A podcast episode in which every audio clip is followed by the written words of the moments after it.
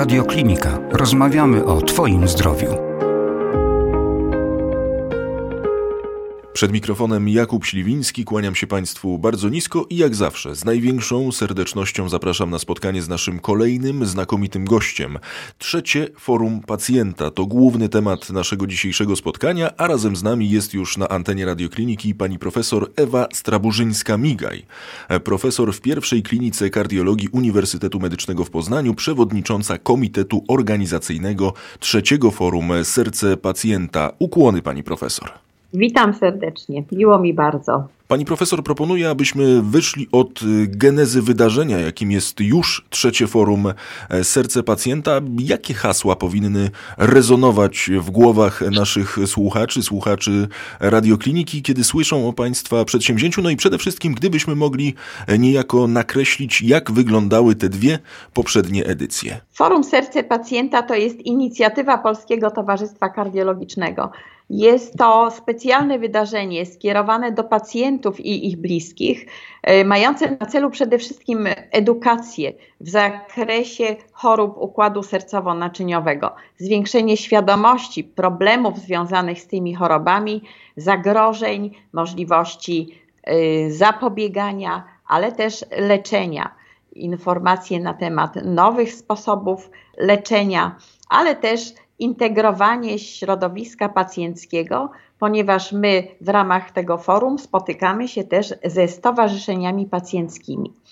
Pierwsze forum odbyło się e, dwa lata temu w Katowicach przy okazji Kongresu Polskiego Towarzystwa Kardiologicznego, jako oddzielne takie wydarzenie mhm. dla pacjentów i ich bliskich które zgromadziło kilkuset y, uczestników na miejscu w Katowicach. To było jeszcze przed pandemią COVID. Mieliśmy tam bardzo bogaty program, który obejmował spotkania z ekspertami, spotkania i y, warsztaty dietetyczne, udzielania pierwszej pomocy, różnych innych aspektów, ale też y, mieliśmy możliwość przeprowadzenia podstawowych badań u pacjentów. Także ta oferta była bardzo bogata. Niestety w zeszłym roku musieliśmy nasze forum zrobić w formie online. W związku z tym nie było możliwe spotkanie się z pacjentami na żywo i nie było możliwe zaoferowanie pacjentom różnego rodzaju badań, takich jak echokardiografia, badania krwi, badania ciśnienia tętniczego. Z dużym żalem musieliśmy z tej formy zrezygnować, ograniczając się do przekazywania informacji, mhm. spotkań z ekspertami, przekazywania materiałów edukacyjnych, y, spotkań z pacjentami w formie takiej internetowej. No i niestety z powodu mm, COVID i tego, że tak naprawdę nie wiemy, czy dotknie nas ta kolejna fala, mm, eksperci mówią, że raczej tak. W związku z tym kolejne, to trzecie forum również jest zaplanowane w formie internetowej i będzie to mm, cykl spotkań pomiędzy 8 a 20 września, w ramach których będą y, emitowane, będą przedstawiane wywiady z ekspertami na różne tematy, różnych problemów związanych y, z chorobami układu sercowo-naczyniowego. Za chwileczkę może wymienię tak kilka. Y, będą prezentowane różne dodatkowe materiały edukacyjne i będą prezentowały się stowarzyszenia pacjenckie, będą prezentowały y, swój profil działania i będą też prezentowały dyskusje z zaproszonymi ekspertami. Także myślę, że ten program też będzie bogaty i zainteresuje wielu y, słuchaczy. My planujemy rozmowy na temat nadciśnienia tętniczego, niewydolności serca, arytmii, choroby zakrzepowo-zatorowej, choroby wieńcowej, zaburzeń lipidowych, Y, na temat szczepień, na temat wad serca. Będą dodatkowo rozmowy na temat życia intymnego chorych z, układami, z chorobami układu krążenia, y, na temat rehabilitacji kardiologicznej w ramach programu KOS Zawał, na temat rehabilitacji oferowanej przez ZUS i na temat y, amatorskiego uprawiania sportu. Także myślę, że tych zagadnień w tym roku będzie bardzo wiele i każdy znajdzie dla siebie coś interesującego. No i proszę bardzo, przyznam szczerze Państwu, że chciałem zapytać o ten szczegółowy program trzeciego forum Serce Pacjenta przy okazji końcówki naszej dzisiejszej rozmowy, ale tu już pani profesor delikatnie nam nakreśliła temat, jak to wszystko będzie wyglądało. Oczywiście do tych zagadnień także sobie jeszcze wrócimy, ale pani profesor, tak jak pani wspominała na samym początku, to pierwsze forum jeszcze odbywało się w tej, nazwijmy to, normalnej formie. Później mieliśmy te no, różne perturbacje, różne problemy, problemy właśnie i między innymi związane także z pandemią. Pani profesor, i wydaje mi się, ja tak obserwując Państwa działania, że jednym z tych kluczowych elementów jest właśnie poprawa jakości komunikacji na linii e, pacjent a lekarz. No i trzeba przyznać, że ten ubiegły rok e, pod tym względem no, dostarczył nam szeregu niespodzianek, szeregu także i problemów. Pani profesor, jak zmienił się stosunek do pacjenta na przestrzeni e, minionych miesięcy? Jak wyglądała ta początkowa komunikacja w dobie pandemii i jak to wygląda obecnie? No bo głośno mówiło się także o niektórych problemach, między innymi o tym, tym utrudnionym dostępie pacjentów do ośrodków prowadzących. Jak pani ocenia to, no już trzeba przyznać z perspektywy tych minionych kilkunastu miesięcy? No rzeczywiście e, był to bardzo trudny okres i tak jak przed COVID-em poprawiała się komunikacja między pacjentami a lekarzami, zwiększało się zainteresowanie pacjentów swoimi chorobami, swoimi problemami, to właśnie zaowocowało Y, stworzeniem licznych stowarzyszeń pacjenckich y, i właśnie y, tą inicjatywą PTK, która między innymi też oprócz tej, tej działalności edukacyjnej mhm. ma na celu jednak konsolidowanie tych stowarzyszeń pacjenckich i współdziałanie z nimi w różnych aspektach. A więc wprowadzenie tych różnych ograniczeń w związku z epidemią COVID, wydzieleniem specjalnych placówek dedykowanych chorym z COVID-em, no, znacząco pogorszyło dostępność y, do świadczeń medycznych y, dla pacjentów z różnymi chorobami.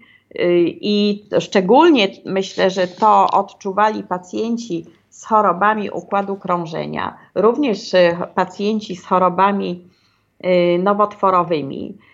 Bardzo wiele szpitali wstrzymywało przez y, no, różnie długi mhm. okres y, planowe przyjęcia y, w tym pierwszym okresie COVID-u, gdzie nie bardzo wiedzieliśmy wszyscy, jak się w tym wszystkim poruszać.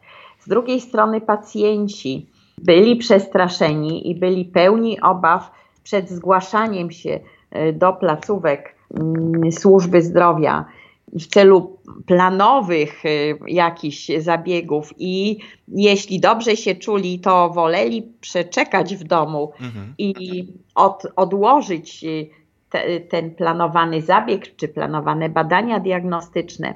Na początku te właśnie też nie bardzo wiedzieliśmy, w jaki sposób z pacjentami się komunikować, ale mm, w, bardzo szybko też nauczyliśmy się tej komunikacji takiej za pomocą przede wszystkim telefonów.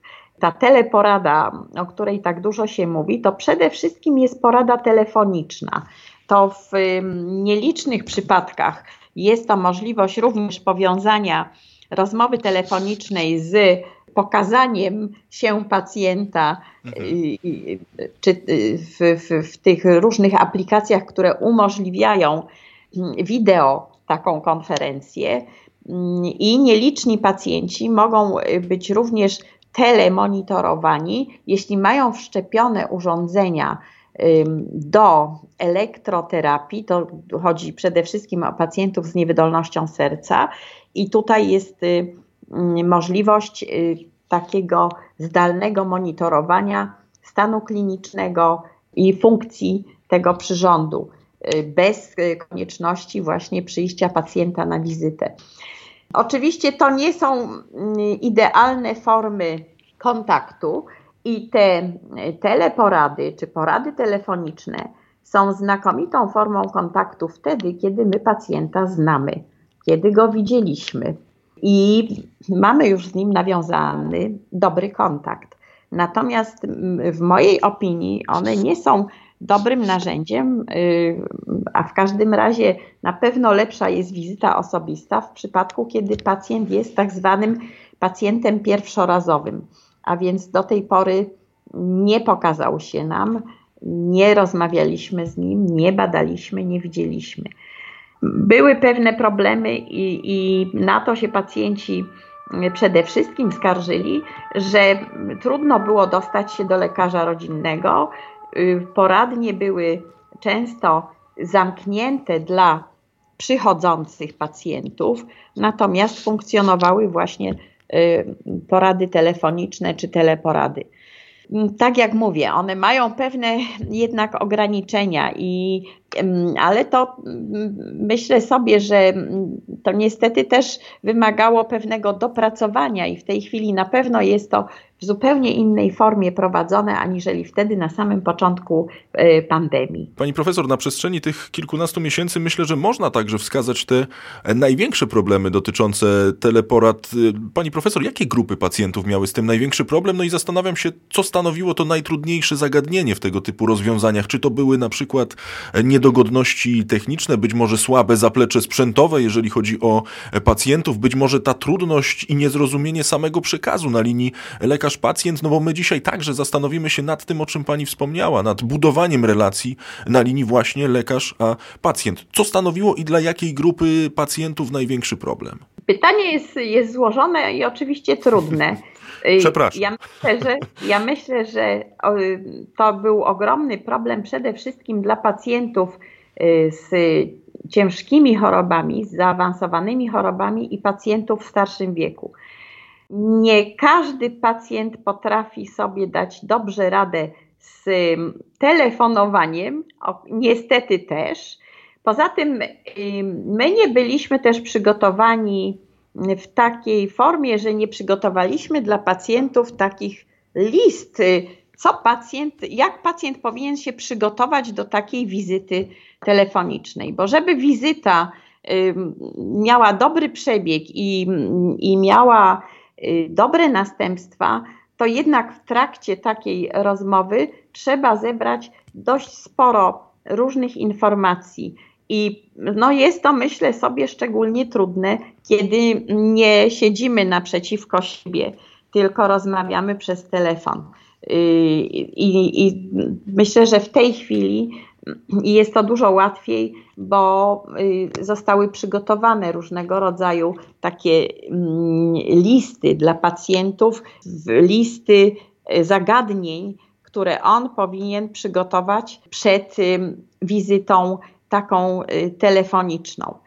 Problem, tak jak powiedziałam, na pewno dla osób starszych, dla osób z gorszym wykształceniem, nawet czasami trudno się dogadać, że tak powiem mhm. kolokwialnie, e, siedząc twarzą w twarz z pacjentem.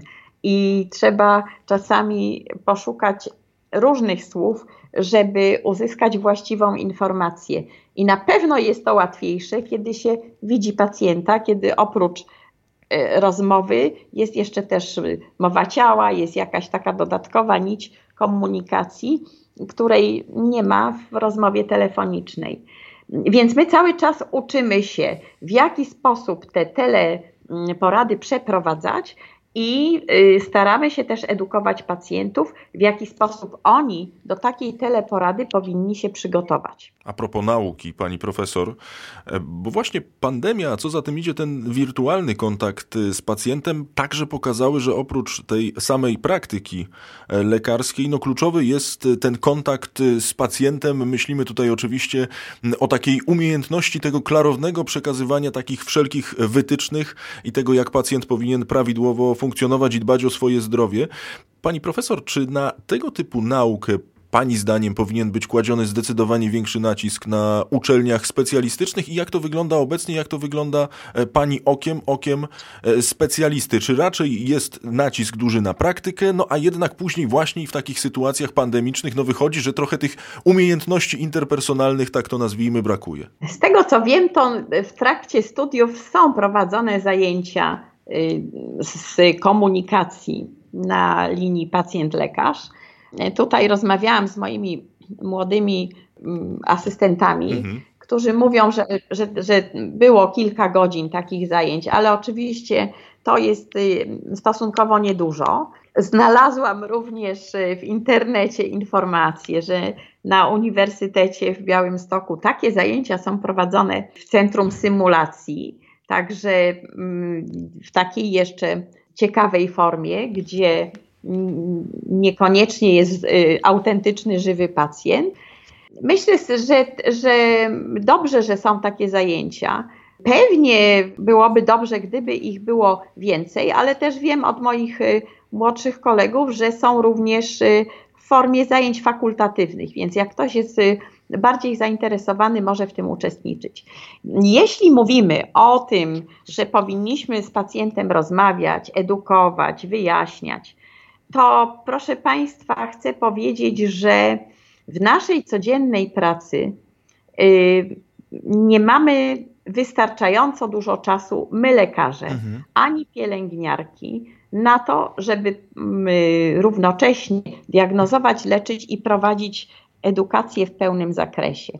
Ja widziałam ostatnio w którymś z programów y, telewizyjnych informację, że w ośrodku zabrzańskim są prowadzone, jest taki pilotaż pomocników y, chirurgów, gdzie właśnie mm, między innymi ideą y, zatrudniania takich osób, czy, czy y, edukacji takich osób jest jakby scedowanie części zadań, mhm. między innymi dotyczących wyjaśnienia mm, istoty choroby, istoty zabiegu, który pacjent ma przed sobą, dalszych sposobów leczenia, żeby te, tego nie robił bezpośrednio lekarz, tylko osoba, która będzie odpowiednio przeszkolona z odpowiednim wykształceniem, niekoniecznie lekarskim.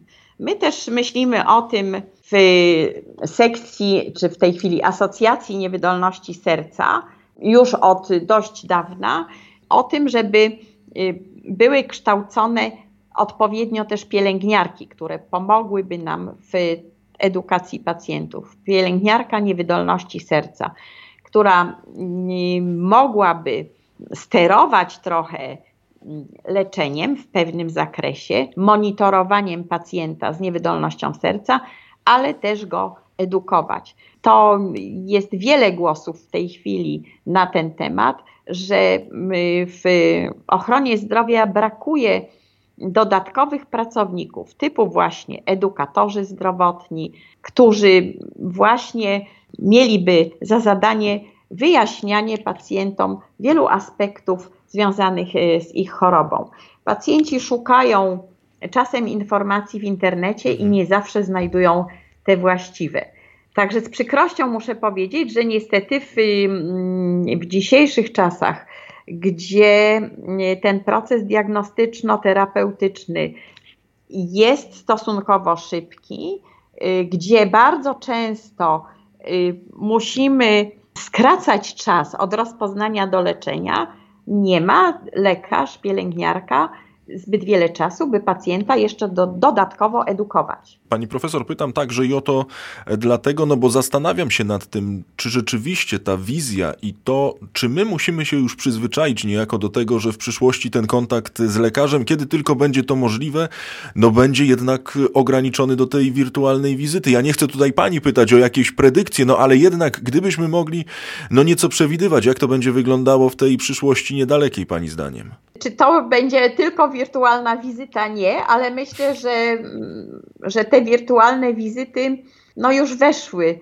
do y, naszej praktyki codziennej i one niewątpliwie będą stanowiły dużą część y, tej, tej praktyki y, prowadzenia pacjenta. Tak zwana telemedycyna to już nie jest y, nowość, to już nie jest nowe sformułowanie nad tym cały czas y, pracują rzesze ekspertów, w jaki sposób y, wykorzystać różne narzędzia w prowadzeniu pacjentów, y, w diagnostyce i terapii, w monitorowaniu, tak żeby to były narzędzia przyjazne i dla personelu medycznego, i oczywiście dla pacjentów. Także w tej chwili ta dziedzina się bardzo rozwija i myślę, że wiele wizyt takich twarzą w twarz zostanie zastąpionych wizytami czy takim e, telemonitoringiem. Także tu nie ma odwrotu. Tu nie ma odwrotu i nie wiem, czy się z tego cieszyć, nie wiem, czy to jest pozytywna informacja, czy jednak negatywna. Już tak pomalutku będziemy się zwracali w kierunku oczywiście e, trzeciego forum Serce Pacjenta. Pani profesor, no i tutaj chciałbym się zatrzymać już przy aspektach rodziny pacjenta, bo zastanawiam się, jak kształtuje się świadomość rodzin pacjentów, którzy są dotknięci schorzeniami serca, czy jak ważne przy obecnym kształcie medycyny, a także na przykład i przy wideoporadach jest wsparcie i opieka osób najbliższych. Czy państwa trzecie forum serce pacjenta także będzie skierowane również do najbliższych? No bo podejrzewam, a właściwie to podejrzenie graniczy z pewnością, że w przypadku e, pacjenta ze schorzeniem serca, no pytanie, czy jest tutaj kluczowe wsparcie właśnie osób najbliższych? Dokładnie tak. Y, wsparcie osób najbliższych jest bezcenne. I osoby, które mają wsparcie, chorują trochę inaczej, a więc y, y, łatwiejszy jest ten proces leczenia, kontaktu, łatwiej nawiązują kontakt z lekarzem i współpracę. Ta współpraca jest niezmiernie ważna bo od tego, w jaki sposób ona przebiega, zależą losy chorego. Zależy to, czy do, nie dojdzie do zaostrzenia choroby, czy nie dojdzie wręcz do skrócenia życia. I tutaj y, badania pokazują, że osoby samotne no, mają gorsze rokowanie, ponieważ to, to wsparcie ze strony bliskich jest bardzo ważne. To jest nie tylko wsparcie takie psychiczne. Każdy z nas wpada czasami w dołek. W te dołki wpadają myślę, że częściej chorzy z różnymi schorzeniami, a zwłaszcza jeśli one są bardzo zaawansowane. I wtedy to wsparcie takie psychiczne jest niezmiernie potrzebne ze strony właśnie osób bliskich. Ale to wsparcie jest też potrzebne takie fizyczne, mhm. że y, ta osoba pomoże, że ta osoba pomoże w y, dawkowaniu leków, przypomni odnośnie konieczności wizyt, odnośnie konieczności wykonania jakichś pomiarów, że y, przywiezie czy zorganizuje transport na wizytę zaplanowaną. A więc jest to niezmiernie ważne. I oczywiście, jeśli żyjemy w, z naszymi bliskimi w jednym mieszkaniu, wiadomo, że jest trudno stosować no, y, różne diety dla różnych osób, a więc zwykle też y, rodzina, osoby bliskie no, dostosowują się do pewnych zaleceń, które my dajemy pacjentowi odnośnie na przykład diety. A więc to jest też pewnego rodzaju korzystne działanie, oddziaływanie z kolei mm, pacjenta, jego zaleceń na rodzinę i miejmy nadzieję, że to się też przekłada w jakiś sposób na prewencję mm, chorób sercowo-naczyniowych y, wśród osób bliskich danego chorego. Także w, y, w, czasie tego naszego trzeciego forum również i o tym będziemy mówić i to trzecie forum jest również skierowane do osób bliskich, y, które mm, opiekują się swoimi bliskimi, chorymi bliskimi. Już za chwilę e, przejdziemy i wrócimy sobie jeszcze do tego szczegółowego planu wrześniowego wydarzenia.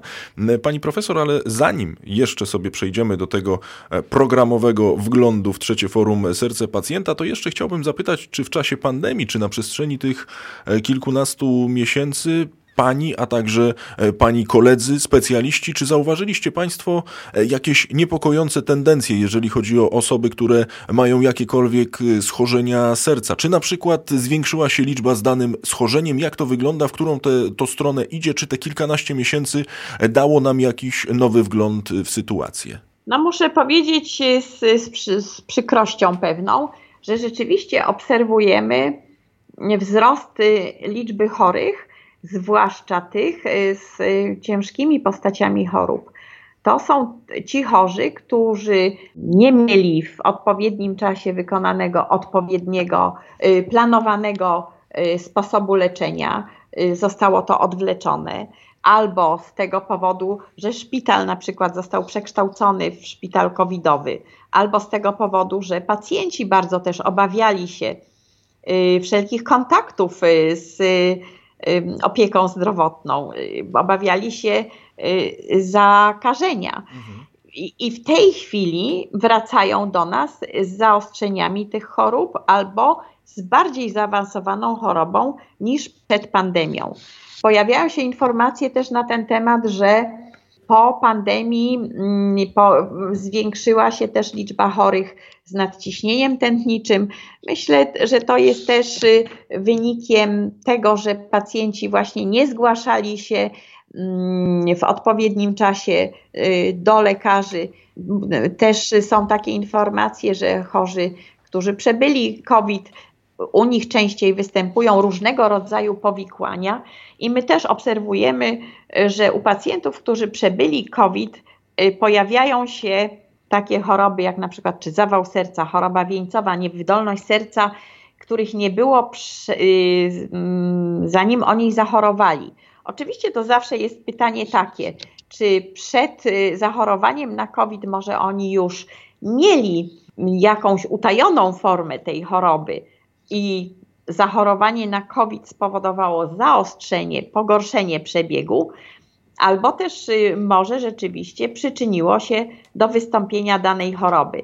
Myślę, że to dopiero kolejne miesiące i kolejne wyniki badań mm, odpowiedzą nam y, na takie pytanie. Ale rzeczywiście y, obserwujemy w tej chwili zwiększoną liczbę chorych z chorobami układu sercowo-naczyniowego i zwiększoną liczbę chorych z takimi y, bardziej zaawansowanymi objawami.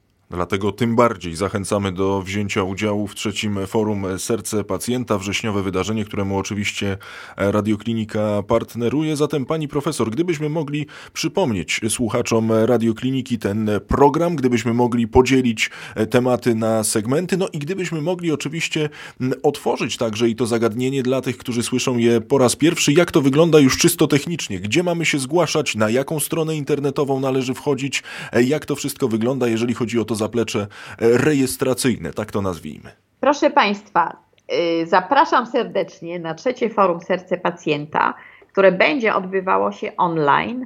Strona dedykowana temu wydarzeniu już funkcjonuje. To jest strona www.sercepacjenta.pl.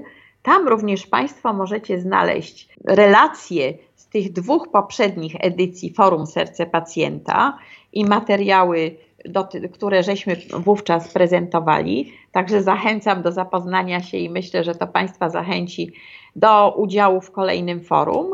A to forum wystartuje 8 września i my planujemy, że w kolejnych dniach od godziny 18 będą prezentowane wywiady z ekspertami, będą potem prezentowane różnego rodzaju materiały edukacyjne, będą prezentowane stowarzyszenia pacjenckie i ich rozmowy y, z ekspertami. Wśród tych y, licznych zagadnień, które chcemy omawiać, zapraszamy też Państwa do zadawania pytań, bo w trakcie tych spotkań będzie czynny czat, na którym będzie można zadać pytanie. Odpowiedzi na te pytania będziemy potem e, prezentować na stronie wydarzenia. 8 e, września odbędzie się wywiad e, przeprowadzony z panem profesorem Narkiewiczem i panią docent Agnieszką Olszanecką na temat nadciśnienia tętniczego. W kolejnym dniu będzie wywiad z panią profesor Ewą Jankowską i profesor Jadwigą Nessler na temat niewydolności serca. 10 września Dzień Edukacji Pacjenta z Arytmią, wywiad z profesorem e, Mitkowskim i doktorem Gwizdałą. 13 września Dzień Edukacji Pacjenta z chorobą zakrzepowo-zatorową. Pan profesor Pruszczyk i pan profesor Kamiński. 14 września, myślę, że to też ważna informacja, planujemy konferencję prasową, w trakcie której chcemy mówić o tym naszym trzecim forum Serce Pacjenta, chcemy przedstawić wyniki ankiety, którą już w tej chwili uruchomiliśmy na naszej stronie i do wypełnienia której wszystkich Państwa serdecznie zapraszamy. Myślę, że da ona nam pewne informacje właśnie na temat tego, jak Państwo oceniacie opiekę zdrowotną, jak Państwo kontaktowaliście się w trakcie pandemii ze swoimi lekarzami, jakie Państwo bierzecie mm, leki poza refundacją i jakie to są mniej więcej koszty miesięczne. Jesteśmy, mogę powiedzieć, szczęśliwi jako lekarze, że mamy coraz więcej możliwości leczenia państwa, ale no nieszczęściem jest to, że te nowe, znakomite formy leczenia, leki przede wszystkim, nie są refundowane albo w bardzo ograniczonym zakresie dla bardzo wybranych grup pacjentów. I chcemy tam, żeby też swoje uwagi wypowiedziały stowarzyszenia pacjenckie. 15 września mamy Dzień Edukacji Pacjenta z chorobą wieńcową. Profesor Maciej Lesiak, dr Marta Kałużna-Oleksy. 16 września mamy Dzień Edukacji Pacjenta z zaburzeniami lipidowymi, hipercholesterolemią, Mm, profesor Mamcarz i jeszcze tu potwierdzam, jeszcze jednego eksperta. 17 mamy Dzień Edukacji o Szczepieniach. To tutaj pani docent Kłoda i moja skromna osoba. I 20 września mamy Dzień Edukacji Pacjenta z wadą serca, profesor Grygier, profesor Perek, kardiolog i kardiochirurg. Tak jak powiedziałam, będą prezentowały się stowarzyszenia pacjenckie. Dodatkowo będzie wywiad dotyczący życia intymnego chorych z chorobami układu krążenia. Będzie wywiad dotyczący rehabilitacji kardiologicznej w ramach programu KOS Zawał. Będzie również wywiad y, przedstawiciela ZUS na temat rehabilitacji ZUS-owskiej. Będzie również prezentacja pielęgniarek z poradni kardiologicznej ze szczególnym zwróceniem uwagi właśnie na rolę pielęgniarki niewydolności serca. I chcemy też poruszyć problemy uprawiania amatorskiego sportu przez pacjentów e, z chorobami serca. Z jednej strony mamy mnóstwo osób prowadzących siedzący tryb życia, a z drugiej, na, na drugim końcu mamy osoby, które bardzo aktywnie uprawiają sport, teoretycznie amatorsko, ale jak Państwo wiecie, jest możliwość brania udziału w różnych wydarzeniach sportowych, y, no takich jednak o randze zawodów, gdzie również biorą udział pacjenci z chorobami układu krążenia. Myślę, że to też będzie bardzo interesujący wywiad. Także y, tak to pokrótce wygląda Mm, w tym roku nasz program. Mam nadzieję, że w kolejnym roku możliwe będzie spotkanie na żywo i wtedy będziemy mogli jeszcze zaproponować Państwu dodatkowe atrakcje pod postacią mm, możliwości przeprowadzenia takich podstawowych badań, tak jak to robiliśmy w Katowicach. Echo serca, badania laboratoryjne, y, pomiar ciśnienia tętniczego. Niestety w, tym roku jeszcze to nie jest możliwe. Jeszcze, no ale właśnie, tego sobie życzymy, żebyśmy już w tym przyszłym roku e, mogli się spotkać. Jak Państwo słyszeli, plejada znakomitych gości, mnóstwo ważkich e, tematów. Zapraszamy bardzo serdecznie, a ja w tym momencie, Pani Profesor, zanim się pożegnamy, to myślę, że możemy już się umówić na kolejną rozmowę przy okazji tej ankiety, o której Pani wspominała, no bo myślę, że tutaj e, wyniki tej ankiety także dadzą nam solidny podkład pod kolejną rozmowę na antenie Radiokliniki, także w tym momencie Pani Profesor już bardzo serdecznie zapraszam. Bardzo dziękuję. Też wiążę duże nadzieje z, z tą ankietą. Zobaczymy, jak nam uda się jej przeprowadzenie. Już pacjenci zaczęli ją wypełniać, także bardzo chętnie podzielę się z Państwem również e, wynikami tej ankiety i naszymi e, interpretacjami. Także już niebawem słyszymy się ponownie na antenie Radiokliniki, a za dzisiejsze spotkanie, za dzisiejszą rozmowę ogromnie dziękuję pani profesor Ewa Straburzyńska-Migaj, profesor w pierwszej klinice kardiologii Uniwersytetu Medycznego w Poznaniu, przewodnicząca Komitetu Organizacyjnego trzeciego Forum Serce Pacjenta. Pani profesor, ogromne, serdeczne dzięki, ukłony. Ja również bardzo dziękuję i y, do usłyszenia. Więcej audycji na stronie radioklinika.pl i w naszej aplikacji mobilnej.